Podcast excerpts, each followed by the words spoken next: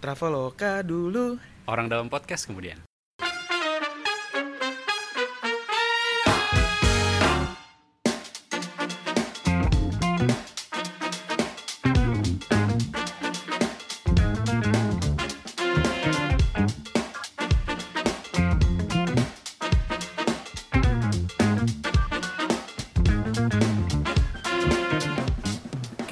Ya, eh, kembali lagi di Orang Dalam Podcast Oke. sama gue Zaki.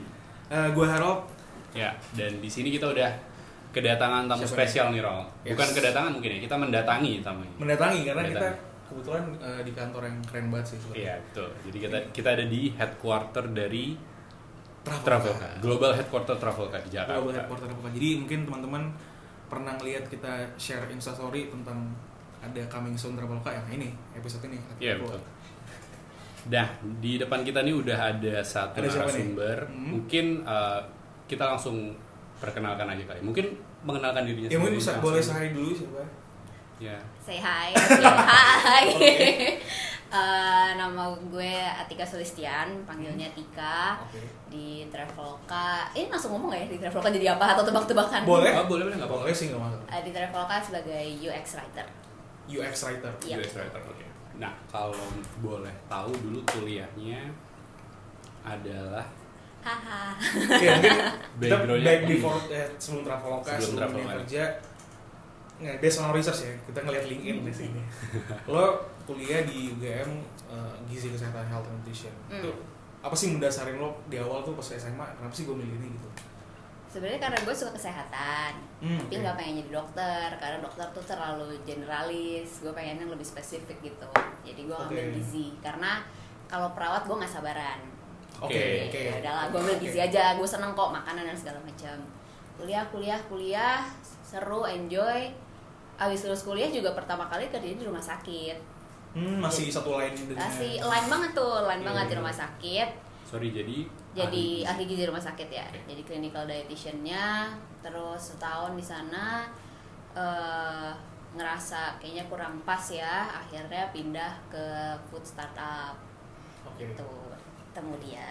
Oke, jadi buat yang belum tahu ini Ya, sebenarnya ini, info ini. aja sih. Jadi gue dan Mbak Tika ini dulu satu kantor.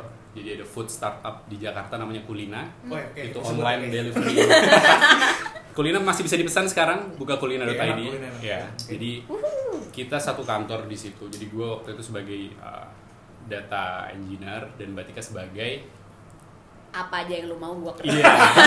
Jadi uniknya di startup, ya, apalagi ya. startup yang apa ya istilahnya baru mulai merintis, Hmm. kalian ya apa aja dikerjain lah. Jadi title kalian mau title data scientist, mau title kalian marketing bisa jadi kalian mengerjakan apa pun Iya. yang bos kalian ka- uh, Iya, betul. suruh kayak. Berarti kerja di startup apalagi yang tadi karakteristik seperti itu harus reliable lah ya Iya. lo bisa ngapain aja jawab untuk apa aja Hmm, jadi pertama kali kenal Mbak Tika waktu itu di Kulina. Terus akhirnya ya Mbak Tika pindah ke Traveloka, gue pindah ke Telkom dan Oh ini kesebut nama perusahaan lu gak apa-apa? Oh iya nggak apa-apa. Abis kayak kemarin gak ada tuh Oh iya, kita sebenarnya belum terlalu mempublish perusahaan kita apa sih, tapi ya. ya tapi ya nanti mungkin bakal episode berikut eh episode berikut nanti pasti bakal kita discuss lagi sih tentang itu Iya. mungkin spesifik nanti narasumbernya Zaki doang. Oke, oke, mantap. Oke, lanjut tadi jadi di Kulina. Ya di Kulina awalnya tuh jadi food quality control sama Oke. menu designer. oh berarti masih iya masih re- relate ya Yes, sedikit awalnya tuh masih nyambung-nyambung tuh terus lama-lama karena gue yang ke dapur, gue yang bikin menu, gue yang tahu produk, jadi Hmm. bantuin marketing juga aja kan lo tahu produk kita tuh value propositionnya apa aja nih. iya iya Oh, iya ya udah jadi gue bantuin konten marketing lama-lama eh, ditarik ke sepenuhnya ke konten marketing jadi ujung-ujungnya apa ya namanya ya Hmm, konten strategis sama community manager juga karena gue yang kayak Oke. ketemu user eh ketemu customer ngobrol mereka tuh sukanya apa nggak sukanya apa segala macam nah dari situ karena ya gue mencoba banyak hal di kulina dan terus kayaknya ngerasa oke gue tertarik dan suka nih sama copywriting. Oke. Jadinya ya gue pas mau pindah gue ngelamar sebagai copywriter deh gitu. Di perusahaan baru? Yes. Tapi Jadi- mungkin ini nih gue sebelum kita lebih dalam lagi lebih jauh lagi tentang apa itu copywriting Hmm. atau copywriter mungkin ya gak semua nih orang tahu apalagi ini pekerjaan unik namanya copywriter Hmm. ya mungkin ya ada beberapa tahu tapi gue yakin semua nggak tahu apalagi mungkin yang anak kuliah banyak nggak tahu sih Hmm. apa sih sebenarnya copywriting itu apa copywriter itu eh copywriter pasti pekerjaan copyright, copyright copywriting tapi apa sih sebenarnya copywriting itu Jadi copywriting tuh eh, menulis tapi eh, singkat-singkat, istilah gampangnya gitu sih. oh Oke, singkat-singkat. Nulis tapi dikit-dikit. nulis singkat gitu. tapi caption juga Eh, kayak gitu, jadi Oke. bukan kayak content writer yang lo nulis artikel, nulis apa ya, pokoknya yang dengan kata-kata penuh berbunga-bunga dan puitis tuh enggak. Copywriter tuh nulisnya singkat, padat, jelas. Oh jadi kon- ada content writer, ada copywriter yes, ada dua macam. ya? Oke, Kayak jadi gitu. kalau misalkan orang yang nulis-nulis blog, nulis berita itu sebetulnya content writer. content Iya, writer. content writer. Oh, oke. Kalau yang nulis singkat-singkat tuh copywriter. Hmm. Copywriter sendiri dibagi dua lagi, buat marketing dan buat produk. Buat marketing Hmm. itu yang udah Oh, itu lama beda ya, sih. berarti? Beda. Kalau marketing itu yang kayak misalnya lu bikin jargon-jargon lah.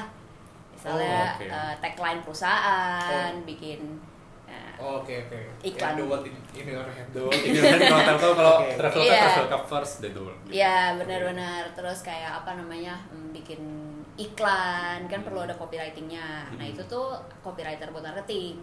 Kalau UX writer itu lebih ke produk. Jadi produknya kalau Traveloka ya app. Ya udah kita yang nulis di app itu sendiri. Oh berarti maksudnya tulisan-tulisan kalau ibaratnya kita buka app Traveloka sekarang ada description segala macam itu that's what you do berarti. Hmm, not necessarily sih, Oke. karena description kan masuknya konten. Jadi Hmm.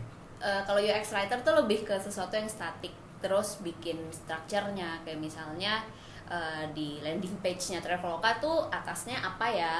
Oh, oke. oke. tulisannya ini, terus ini section title, ini keterangannya, oh ini ntar bagian apa? Button kayak CTA button, Oke. terus ya sampai ke email. Tapi email push notif SMS juga dari copywriter, eh UX dari writer. UX writer. Hmm. Jadi UX writer tuh kayak istilahnya kalau yang gue tangkap ya, jadi kayak apa ya penerjemah aplikasi ke user. Ya, Jadi ya, ya. Oh, Gimana aplikasi berbe- berbicara kepada user, Iya, jadi benar, nge-guide benar, user itu Benar. kurang lebih kayak gitu ya benar ya? Hmm, soalnya kan kalau kayak biasanya offline tuh ada kayak guide-nya lah misalnya Hmm. CS-nya yang ngebimbing Hmm, untuk lanjut iya, ke iya. tahap selanjutnya. Kalau di app kan nggak ada, jadinya ya UX writer yang berperan sebagai menerjemahkan dan membantu user untuk menyelesaikan journey-nya gitu. Jadi kayak kalau misalnya error, misalnya dari back Hmm. dari engineer error 404 ya orang nggak ngerti apaan tuh 404 Iya, yang iya, error iya. gitu kan. Menerjemahkan bahasanya supaya lebih dimengerti di, Iya, di user ya. betul. Jadi kita ngasih tahu kayak, oh ini tuh maksudnya error karena misalnya koneksi lo nggak ada, error karena apa, error karena apa, kayak gitu. Menarik ya. Menarik menarik sih. Eh, tapi yang pengen gue bahas sih di sini karena tadi unik sih gue dengar lo basic di health and nutrition kemudian ya kalau ya as, as time goes by lo dari ya, food dari food Mhm. company dari food tech company lo ke marketing kemudian ke copywriting nah itu dari ketika lo masuk ke yang sekarang Traveloka sekarang yang mana UX copywriter itu eh, apakah mereka punya requirement sendiri nggak sih kayak untuk Hmm. marketing ya you have lo harus gini lo harus itu lo sebelumnya harus punya pengalaman apa untuk Traveloka sendiri ketika lo menjadi copywriter apa sih requirement yang kira-kira di eh, sampaikan oleh mereka Hmm, hmm. Ju- Jujur gue agak lupa sih, cuma Apa aduh maaf ya. Cuma seinget gue kayaknya em, yang pasti kemampuan menulis dalam bahasa Indonesia dan bahasa Inggris karena oke iya iya, iya. Traveloka kan ada di beberapa negara dan master kopinya yang bikin Yes. di Indonesia. Indonesia. dan for info gue baru tahu banget Traveloka itu ternyata bukan cuma di Indonesia Oh, barusan gitu. banget barusan banget Ada Oke. di 6 7 ya? 7 negara kalau nggak Tujuh salah. negara. Sekarang Ah, 6 atau 7 ya kalau nggak salah. Indonesia, Singapura, Filipina, Malaysia, Vietnam, Thailand, Australia, Hmm. and keep growing. Oh. Mm. that's why the writing say global headquarters not Iya, betul. Nah, Nah. itu kan Hmm. apa tadi? Ah, ya kalau apps yang di luar maksudnya versi yang di Thailand, di Hmm. Singapura dan lain itu juga copywritingnya juga dari Indonesia yang Iya, dari Indonesia. Hmm, oke. Jadi research, desain researchnya mostly dilakukan di headquarter di sini. Nanti terus di localize sama mereka. Localize tuh beda sama translate karena kalau translate kan bener-bener plek-plekan. Misalnya Iya. gue nulis apa di bahasa Inggris, di translate aja gitu Iya. kan. belum tentu sesuai dengan kayak tadi Singlish Singapore English Ya bener banget. Nah kalau di localize tuh jadi kayak disesuaiin sama uh, Budaya bahasa mereka. setempat ya bahasa budaya setempat lah. berarti lo juga ngehandle yang di sana-sana gitu ya? kita Di punya international product copywriter Oke. di luar negeri cuma uh, ya via internet aja sih kayak eh gue bikin ini nih alasannya apa recent research bla bla bla kasih ke mereka Kalau boleh tahu dulu pas masuk Traveloka itu lewat jalur apakah? Daftarnya lewat Hmm, mana? iya, ini penting atau sih. tahu infonya dari mana? Karena Iya. banyak orang yang uh, ya interest di Iya. sebuah perusahaan, cuman kadang bingung kayak daftar cara daftar terbaik itu gimana sih? Iya, Kalau Mbak mungkin- Tika dulu gimana? mungkin bukan cuma Traveloka ya Iya. banyak startup startup lain karena gue juga punya banyak junior junior Hmm.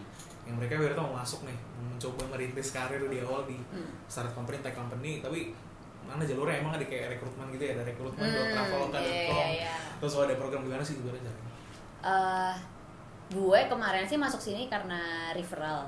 Jadi apa namanya kan ada yang jalur umum apa sih ya pokoknya kayak biasa aja lo Iya, daftar aja. daftar ya Daftar biasa via website bisa, via LinkedIn, Smart Recruiters, anything gitu. Hmm. Sama satu lagi tuh di refer sama orang dalam kayak nama podcast ini. yes Ini digunain nih. Iya, iya.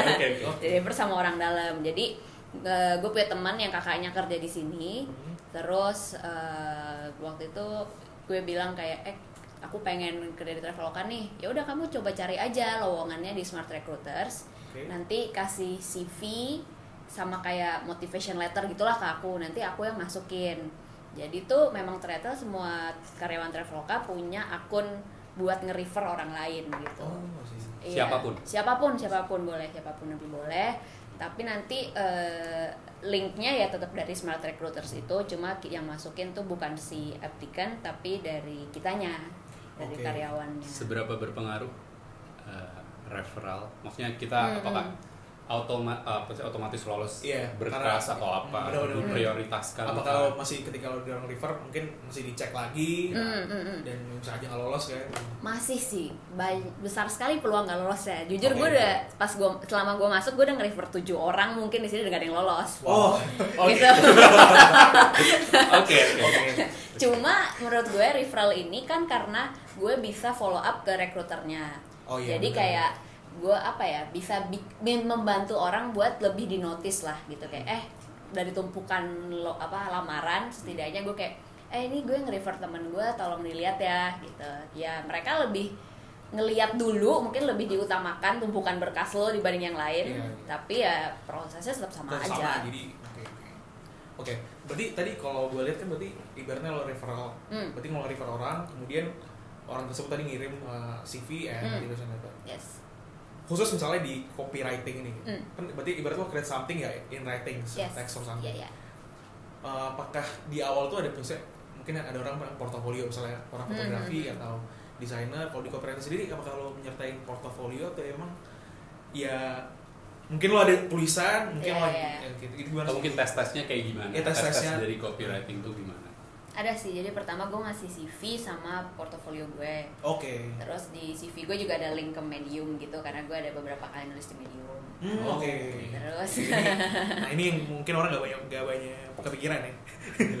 Iya jadi kayak karena gue mau pursue career in copywriting Ya ada baiknya gue juga menyiapkan portofolio tentang ya, copywriting. Tentang copywriting gitu. Nah terus abis ngasih itu ya standar sih terus ditelepon Kayak tahapannya tuh kayak 6 kali interview sih 6 tahapan interview enam tahapan itu Iya, interview semua ya interview dan te- technical test pokoknya dari awal banget sampai akhir kurang lebih 6 level 6 layer gitu Itu berapa lama? Berapa bulan? Berapa minggu? sebulan hampir dua bulan deh total total Dua bulan enam kali interview. Wow. nah, Itu. Wah, itu interview doang Pak. Oke, ya. Itu lo interview uh, emang dia saya tahap emang semua orang specialized in copywriting or marketing atau hmm, mostly setahu gue emang minimal 3 sampai 4 sih beda-beda mungkin beda job desk beda tipe, Beda tipe. rekrutmennya Oke. cuma kalau di desain kan kalau gue UX uh, writing tuh masuknya divisi desain itu memang kurang lebih 6, 6 tahapan gitu wow, wow. ya Iya, itu banget panjang banget sih. panjang panjang dan ya jadi perbedaannya tidak ada MCU MCU seperti Iya. oh iya Oh, nggak ada nggak nggak ada, ada nggak ada, nggak ada MC ya? nggak ada bener nggak ada ada ada. karena sudah percaya bahwa kita tuh fit karena udah lolos tuh enam kali itu kalau udah Iya, pengsan ya. Oke, oke, oke. oke Oke, jadi tadi udah enam kali uh, kayak proses tahapan, Hmm. interview dan lain-lain. Terus keterima di Traveloka nih. Mm-mm. Itu langsung kerja kah atau ada probationnya dulu kah Yes. atau Oh, gimana? of kan banyak perusahaan kan apalagi ya mungkin mungkin ini sih mungkin uh, ini ya apa experience ya Ya. gitu. tapi kan ada juga yang dia bahkan experience tapi tetap di probation Mhm. training induction Hmm. perkenalan terhadap company segala macam itu Ya. gimana ada tetap sih di sini probation tiga bulan semua level ya soalnya gue liat kayak misalnya ada lead baru atau apa mereka juga probation tiga bulan terus habis itu ya langsung karyawan tetap sih oke Setelah tiga bulan itu. setelah tiga bulan Pak, berarti di awal juga ada perkenalan segala macam Ah, ah, gitu ya? ada jadi kayak dua hari pertama tuh gue kayak di ospek gitu sih kayak kita dikumpulin di oke. aula terus dijelasin Oh, tentang gue beli di awal. iya bener Udah kayak. oh, ada banyak berarti bukan cuma lo doang. Ah, ah, jadi di Traveloka tiap Senin itu mostly ada tiap minggu ya tiap Senin itu ada karyawan baru. Hmm, Totalnya oke. bisa Oke. sampai belasan sampai dua puluhan gitu. Oke. Nah, itu kalau dari luar negeri juga kadang-kadang kalau yang kayak Malaysia Singapura mungkin bisa ditaruh di sini dulu sih buat orientasi. Cuma kalau yang kayak jauh-jauh ya udah gitu. Itu kita dua hari dijelasin soal company value, soal work ethic, segala macam segala macam. Jadi ada onboarding prosesnya gitu. Oke, pasti ada. Oke, mungkin eh, tadi lo jelasin mungkin cara how to, how to get into Traveloka. Mungkin tadi dijelasin juga ya scope of daily work lo apa aja. Eh, ada banyak orang yang gue percaya bahwa dia memilih suatu pekerjaan ya dia mau develop gitu dia mau Hmm. berkembang Eh, dari perusahaan saya dari Traveloka sendiri kalau di kerja Traveloka ada nggak sih kayak semacam employee development Hmm, hmm. program atau yang sejenisnya gitu gimana? Ada ada. Jadi eh, kita sering ada internal kelas gitu sih. Hmm. Kayak gue pernah ikut les bahasa Inggris dan Traveloka kayak ya udah kalau mau kalau mau ngeles boleh Eh, pas jam kerja pula gitu difasilitasi. Eh, Ngeles Wow. boleh itu maksudnya les. Jadi mereka emang buka kelas Iya. eh, kayak English Enhancement Program gitu. Terus kalau yang mau daftar, terus nanti harus ikutin kayak ya empat bulan lima bulan programnya nggak boleh. Oh, itu buat- berapa dari hari. Travelokanya Dari? Traveloka bener. Oh. Oh keren sih. Iya, Keren jadi dia ngasih. Gue kira tadi itu dari luar, soalnya lo di luar, terus lo boleh les sama jam Oh enggak kerja. enggak, gue dikasih lesnya memang sama Traveloka dan itu Oke. pas lagi jam kerja gitu. Jadi yang penting lead lo tahu dan approve ya udah nggak masalah. Selain itu juga suka ada soft skill kayak apa ya, kayak misalnya datengin mental health practitioner, pernah datengin Oke. Jouska, Jouska ya? Jouska Itu pernah. Oke, kelas-kelas gitu loh. Ya, Panji ya buat senang-senang dan atau ngasih-ngasih ilmu dari eksternal gitu juga ada. Seru sih. Terus kalau di desain sendiri, kalau misalnya kita mau ikut kayak conference atau seminar gitu, lu bisa ngajuin proposal buat dibiayain ke sana. Kayak gitu. Emang kalau Just- justifikasinya jelas. Iya, jadi gue kan follow Mbak Tika dia di Instagram. Jadi Iya. kadang kalau misalkan ada acara-acara kayak gitu di post di story dan gue ngeliat Traveloka nih kayak apa ya istilahnya employee experience-nya keren banget sih. Jadi Oke. perusahaan yang emang kayak memperhatikan karyawannya banget. Dulu kalau nggak salah ada satu story jadi nggak tahu di uh, Mbak Tika ngepost kayak Traveloka ngasih selimut atau Iya, apa ya? iya salah. banget. Untuk Iya, apa iya, ya? iya, benar benar benar. Ini hal-hal sekecil kayak- itu. Kayak door prize gitu ya. Surprise itu Bener, tuh apa? bener, Boleh bener. ceritain nggak dulu? Iya, ya? jadi waktu itu uh, lagi musim hujan, kayak sekitar Iya. tahun-tahun lalu, bulan-bulan segini lah. Iya, iya, bulan segini. Musim hujan dingin, terus dari desain sih itu dari tim desainnya, uh, desain ops ngasih satu orang satu setiap desainer dikasih satu selimut, terus ada di emboss namanya, terus dikasih Oh. card gitu kayak ini lagi musim dingin, please take care of yourself, jangan sampai kedinginan, kadang AC sentral nggak bisa dipapain ya, jadi selimutan aja gitu. Karena ini touch kayak gini sih yang Iya, bisa banget, ke- banget, banget. Ke karyawan. Ini rasanya tuh kayak ya lu nggak cuma kerja doang gitu loh, Iya. emang lu bener-bener diperhatiin di sini. Wow, jadi kayaknya benefit benefitnya oke oke. Benefitnya oke. Oh, lo ini. Oke, bentar, bentar. benefitnya oke oke. Oke. Tunggu, tunggu. Gue mau bahas yang ini Oke. dikit. Tadi eh, tadi Mas bahas masalah jam kerja Hmm. sebetulnya. Kalau jam kerja sendiri sih di mana sih? Kita tahu ya mungkin di tech company syarat Hmm. ya flexi time lah. Yes. Tapi kalau di di Traveloka sendiri gimana? Fleksibel, terutama Fleksibel. buat lagi-lagi desain. Maksudnya gua nggak ngomong buat semua, Semua, divisi ya, oke, kan iya, pasti iya. mungkin kayak finance atau apa ya ada Apalagi- jam kerja lah gitu. Ya itu gue juga ada sih. Bukan berarti gue nggak ada. bisa bisa pulang bisa nggak di kantor. Mungkin flexi time-nya nih eh, ada minimal Enggak. jam kerjanya kah atau fleksinya benar-benar fleksibel Fleksibel masuk jam banget. berapapun. Kayaknya benar-benar result oriented sih kalau di desain. Oh, ya, At oke. least di desain tuh result oriented banget. Jadi kayak terserah lu mau senin sampai jumat nggak masuk mau kerja lu weekend doang yang penting kalau tas lu selesai delivernya baik on Sebelum- time ya iya, nggak masalah Oke. gitu kayak gue di sini kadang-kadang ya nggak kadang sih seringan masuk jam 11 sampai jam 11 Oke. paling jam 6 pulang Oh. gitu Menarik ya. ada yang tertarik Iya iya benar. Karena kalau desain juga kan dia nggak tahu ya base-nya creativity dan hmm nggak yang Iya, lo nggak mesti kerja di kantor nggak sih kalau iya iya Iya, banget dan kreativitas nggak nggak bisa selalu muncul di jam kerja gitu ya. banget banget banget Hmm. dan makanya mereka juga uh, sangat apa ya encourage buat work from home atau Oke. remote working kayak kalau emang selama commuting terus itu menimbulkan masalah baru kayak misalnya kemarin ada beberapa kali demo Oh iya, atau oke apa oke. Ya udah WFL lo kalau gitu. Iya itu bener-bener disuruh ya udah satu kantor lo work from home aja selama Oh. empat hari gitu daripada lo kejebak demo dua jam di jalan nggak produktif ya Dan, dan lu- gue yakin lo di kantor juga nggak produktif. Maksudnya Iya, kayak, makanya, oh, kayak, Gimana sih dia? gimana dia Nontonin demo? demo malah. Baca Iya. TV, nonton Iya. TV, baca TV, nonton TV. banget banget jadi kayak ya udah remote working pun buat gue nggak ada batasnya jadi kayak gue ya gue sih seminggu sekali lah minimal tuh pasti remote working Oke. gitu. Work from every, everywhere. lah. Iya mostly home sih karena bokeh kalau di cafe terus bokeh Oke oke. Oke oke. Tapi oke flexi time berarti lu bisa masuk kapan aja pulang kapan aja. Rem, unlimited remote working. yes Yes. Result oriented tadi sih sebenarnya. Iya. Yang paling- Tapi itu didesain aja. ya?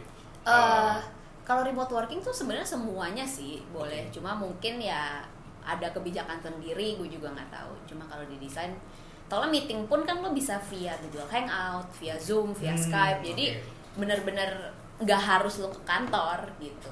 tech company yang benar-benar tech company. Oke, gue mau bahas yang ini.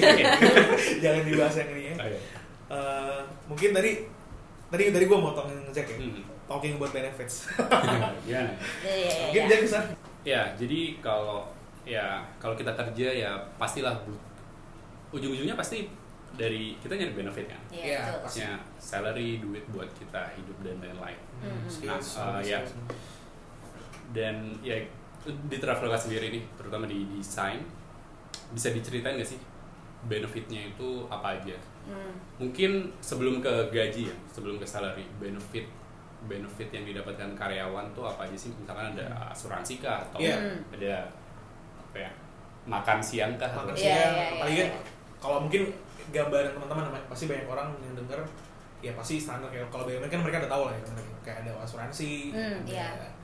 eh, tabungan pensiun segala macam Oh, gitu. oke. kalau di tech company like Traveloka tuh gimana? Ya. Sama sih kalau dari segi tabungan pensiun kan karena BPJS. Jadi Iya. BPJS tuh yang kesehatan, ketenaga kerjaan, pensiun tuh ada, eh, asuransi swasta juga ada. Iya. Terus eh, medicalnya kalau menurut gue di sini oke sih medicalnya bagus banget karena lu eh, limitnya lumayan dan Oke. either inpatient outpatient tuh oke banget. Terus makan siang dapet, em, makan pagi dapet, Wow. Eh, iya Wow. ada berarti, sereal. berarti kalau gue tangkap ya lo rugi dong katanya jam 11 Iya kan? Tapi kan gue pulangnya makan malam di Oh, sini. iya, Oh makan malam juga dapat ya? Eh, Sebenarnya makan malam sih kalau dari nasi siang itu masih ada, Oke. kan bentuknya nasi box gitu. Ya lu makan aja nggak masalah. Jadi bisa dibilang kita nggak kita bisa nggak ngeluarin duit makan kalau kalau kerja di Traveloka. Enggak kayak teman gue ada beberapa yang anak kos yang dari pagi sarapan pulang lagi ke kosannya mandi, terus makan siang, terus malam ya bisa hidup di sini lah lu sebenarnya. Oh, lumayan karena kalau misalkan kita breakdown gaji kita banyaknya habis untuk, untuk konsumsi untuk konsumsi. untuk makan jadi bener Benar. Iya. Ini lumayan banget kok tiap siang dapat makan, pagi juga dapat makan. Ada ya standar sih mesin kopi ya kalau ngantuk ya, ya. wajib sih itu Sobat asam lambung. Iya. Itu benefit oke ada lagi? Hmm, itu benefit yang oke banget sih menurut gue oh dapat ini Vi, eh, travel allowance. Oke. Jadi Ah, oke. ini ini ini ya. unik nih Benar. ini unik nih mungkin boleh Iya unik sih. Jadi eh, tiap orang, tiap karyawan tuh dapat travel allowance tergantung lama kerjanya. Kayak misalnya lu bisa punya limit, eh, let's say satu juta dalam satu tahun untuk lu pakai apa aja terserah pakai produk Traveloka. Nanti bisa di reimburse kayak gitu. oh. Oh, oke. Jadi tun- tunjangan untuk travel gitu ya? Iya, jadi gitu. memang dan itu gunanya memang apa ya? eh, company itu ngasih itu untuk encourage kita liburan. Jadi kayak lu jangan kerja mulu lah ntar Oke. sepandang gitu. Ini gua kasih duit jalan-jalan gitu. Oke. Dan di Traveloka juga eh, ada sering outing gitu ya per berapa bulan sekali kalau nggak salah. Sering sih, sering. Kalau gue lihat sih update-annya kayak sering banget outing. Sedangkan kita udah setahun belum outing-outing. Gue jujur belum outing sih. Oke oke oke. Kapan? Oke. Iya sih, kalau outing tuh eh, jadi ada outing tim kayak misalnya outing desain dan juga ada outing eh, business unit. Kayak gua kan di experience Traveloka experience berarti gua ada dua kali outing besar yang kayak keluar kota gitu. Terus tiap quarternya kita juga ada outing tapi lebih kayak makan-makan atau lu mau staycation ada ada budgetnya. Jadi kurang lebih ya outing besarnya dua, tiap quarternya satu jadi dua tambah empat enam. Ya, Oke. setahun- Setahunnya udah kali outing. Oke, Banyak sekali ya udah alhamdulillah ya. Iya sekali. Setahun sekali ya. Nggak apa-apa lah. Oke, jadi itu tadi dari apa istilahnya benefit karyawannya, kesehariannya di travel gimana. Hmm. Nah, Nah, let's ya ini mulai masuk ke ya agak serious things lah. serius. Oke. Jadi Serius. uh, terkait salary. Hmm. Oke. Uh, kalau kalau gue dengar-dengar ya, kalau di tech company Indonesia kayak Iya. terutama unicorn itu mereka bisa menggaji karyawannya kayak lumayan sih. Bahkan lebih tinggi dari BUMN. Iya. Kalau beberapa gue dengar ya, Hmm. kayak gitu. Kalau di Traveloka sendiri, Uh, mungkin nggak menyebut angka pasti, mungkin range aja. Iya bebas sih sebenarnya. range mungkin bisa uh, setahun kira-kira Iya, range-nya bisa. didapat. Annual salary itu kisarannya berapa sih gitu? annual salary Eh, setahun ya 100 lebih sih Oke, Oke. fresh graduate ya, fresh graduate. Eh, oh Ya, kalau level fresh- entry level entry. Level entry. level entry lagi-lagi mungkin tergantung job desk-nya karena Oke. kan eh, kalau lu misalnya di bagian operation dan mungkin di bagian I don't know engineering pasti beda kan gitu karena responsibility juga beda. Juga beda. Cuma menurut gua sih dibayarnya oke kok di sini salary-nya oke lah. Oke lah, udah dapat makan tiga Iya, kali sehari itu menurut gua bisa iya. Itu ngirit banyak banget kayak Ngirit sehari banyak makan tiga puluh ribu dikali 20 hari 600 ribu. betul Iya. Jadi ya lumayan banget ya. Tadi above di atas rata-rata ya? Di atas rata-rata. Di atas BUMN. Gak tau nih gue belum gue Iya, teman copywriter BUMN nih. oke Iya iya, soal soal copywriting dia. Iya. Oke, mungkin setelah itu kita bakal nanya tentang uh, karir prospek sih. Hmm. Di Traveloka sendiri lo sebagai copywriting itu uh, gimana sih? Setelah ini tahapan yang bakal lo misalnya mau stay di Traveloka apa sih yang bakal? Hmm. Apakah lo naik posisi atau Traveloka tuh di desain khususnya itu lagi mau ada ini sih memang lagi mau diatur ulang gimana uh, Oh, skema karir path-nya gitu ya? Iya oke, oke. karena nggak semua orang kan mau ngambil level manajerial ya jadi Hmm. kayaknya mau di iniin juga apa namanya di leverage juga buat spesialis Hmm. jadi lu either kalau lu naik tuh kayak lu mau jadi managing people atau lu mau dikit deeper aja di kerjaan Iya, spesialis atau manajerial. Ya betul banget. Cuma detailnya gimana, gue juga belum tahu karena baru Kamis besok ya sosialisasinya. siap Oke. iya, cuma ya memang setidaknya di sini gak cuma manajerial lah. Kalau tempat lain apa-apa harus lo kalau naik naik naik. Naik, lo harus jadi harus bos, Iya, jadi bos lepas kerjaan yang daily task gitu. Kalau di sini kayak lu bisa kok, boleh kok jadi ya terusin aja. Jadi Meng- berarti- meng- mengakomodir orang-orang yang pengen jadi expert dan Iya. nggak Iya, pengen benar, benar memanage banget. orang sih Betul. Jadi bisa ada senior copywriter atau mungkin namanya expert copywriter gitu loh berat naik gitu untuk Iya. spesialis. oh keren Iya, juga benar. expert copywriter Yuk. ya. Uh, Expert. Senior expert Copywriter. eksekutif principal. Panjang banget tuh. Di LinkedIn gampang lah. Jadi kalau prospek karir ya jelas lah ya dan itu mengakomodir orang-orang dari Jelas berbagai kalangan. Ah. Terutama karena desain kan sesuatu yang nggak terlalu gampang ya diukurnya kayak Hmm. kalau Iya, lu benar, marketing benar, kan benar. kayak lu mencapai GBV segini, oke Iya. KPI lu nyampe. Ada targetnya angka soalnya. Ah, ah. kalau desain kan lu gimana cara ngukur desain gitu Iya, kan? Mesti langsung ke ininya sih, langsung ke usernya. Iya Gitu. makanya. Oke lah lumayan. Oke, ya eh, karena udah hampir setengah jam nih Ya, kita yang sini. masukin- Nggak kerasa banget ya? Gak kerasa banget. Seru banget. Soalnya nanti kita di, katanya mau dikasih minuman gratis. Silakan silakan. Ya buat Mirinda. Mbak Tika nih eh, terkait masa depannya, Hmm. ada Iya. goals yang pengen Mbak Tika Iya. raih nggak sih ke depannya? What's next for Atika Sulistian? Yap. Hmm. Ah. ah, berat banget. personally atau professional? Ya, pro- personally, ya, professionally. Em, kalau ngelihat dari segi apa namanya ya uh, UX writing Hmm. sekarang tuh kan trennya ke AI Oke, gitu iya. kan Iya. jadi kayaknya ke depannya sih gue ngerasa uh, conversation design tuh akan jadi something big gitu Hmm. kayak misalnya lo nggak cuma nulis buat apps tapi ya buat Google apa misalnya Alexa buat Siri buat Oke. apa karena kan kayaknya banyak ke sana gitu tapi gue sendiri juga suka di research jadi pengen ngembangin knowledge dan skill di research gue karena kalau apa ya writing tuh sebenarnya cuma berapa persennya doang yang crafting sisanya tuh lo Oke. harus mencari ide dan justifikasi dan reason segala macamnya dan gue suka proses Suka itunya researchnya researchnya Oke, yes. Oke, itu berarti professional goals. So, ya professional goals personal Goals? goals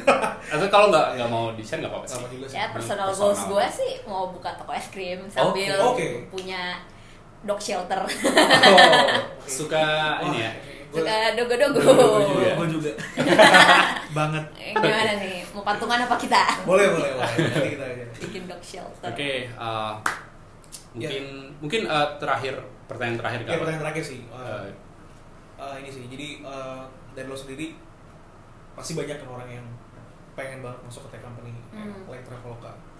Apa sih yang menurut lo ada saran atau mungkin menurut lo orang seperti apa sih yang mungkin cocok uh, working at Traveloka Em, orang seperti apa yang cocok di travel Atau saran Oh, kalau mungkin orang mau kerja di Traveloka nih dia Iya. harus harus seperti apa Oh, Seperti iya, apa, oke. apa, apa yang bisa lo sarankan supaya mereka semakin ya mereka meningkatkan skill mereka Hmm. sampai ke Traveloka level gitu. supaya bisa apa ya lebih mudah jadi dijelasin banget nih Gue teknis banget ngomong.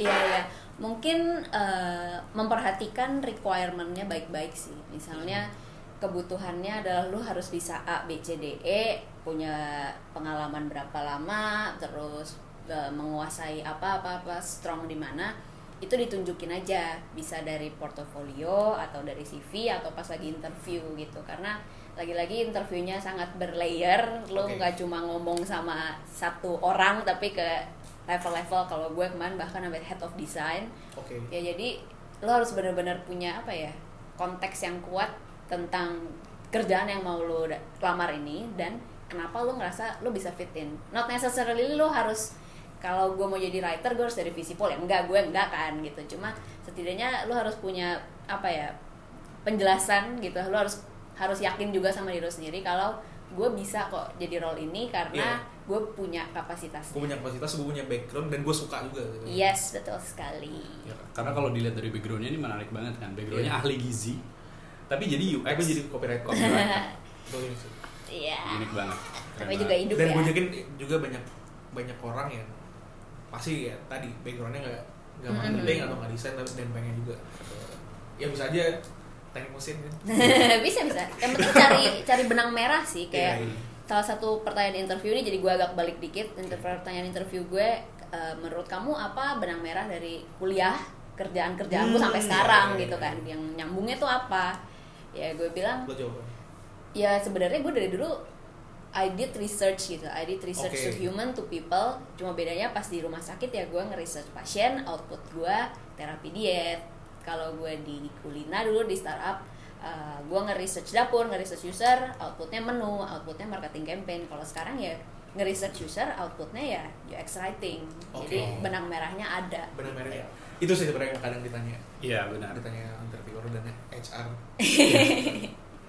dan gue baru tahu sih tadi ada benang merah dan lain-lainnya Iya. gue baru kepikiran gitu jadi wow podcast ini sangat Sangat wah. enlightening ya Semoga enlightening ya banyak yang Iya dan buat kalian di luar sana yang misalkan background kalian nggak sesuai dengan apa yang kalian minati, ya semoga podcast ini membuka apa ya istilahnya pikiran kalian kalau sebenarnya kalian bisa. bisa bisa nggak Bisa. masalah Mau kok kalian backgroundnya apa pun, kalian mau jadi apa pun itu bisa asalkan ya itu tadi. Mau mencari tahu dulu kenal banget deh perlu Hmm. kenal banget sama diri sendiri sama diri sendiri. Kalau kata Kevin Garnett, everything is possible.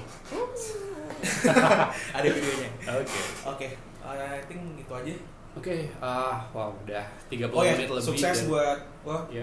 uh, tadi toko es krim kita tunggu. Iya benar. Kalau- Kalau udah buka toko es krimnya tolong Iya, undang iya. kita sebagai Dan tadi kalau gue lihat dari Instagramnya Zaki menarik menarik juga sih dari Instagram lo gue lihat kontennya sangat menarik dan juga ada konten makan sama Tika ya Iya. Iya, by the way gimana? Bisa promote, bisa promote akun IG-nya makan sama Tika gimana? Iya, ada gue punya akun Instagram makan sama Hmm. Tika itu mostly ya sharing tentang apa yang gue makan tapi dari Iya. segi kesehatannya dikit lah Oke. gitu. Jadi Sangat bermanfaat sih Ya, kalau kalau gua- gue follow.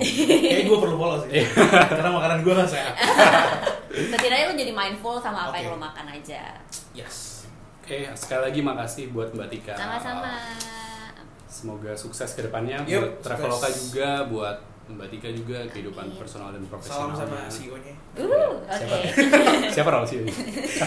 bapak itu Oke, uh, mungkin itu aja kali ya Rol. Yep, yep. Untuk episode kali ini, uh, jangan lupa buat follow Instagram kita. ya orang dalam dot pot Ya, dan juga dengerin episode-episode Yep. orang dalam yang lainnya. Dan sampai jumpa di episode berikutnya. ya Traveloka dulu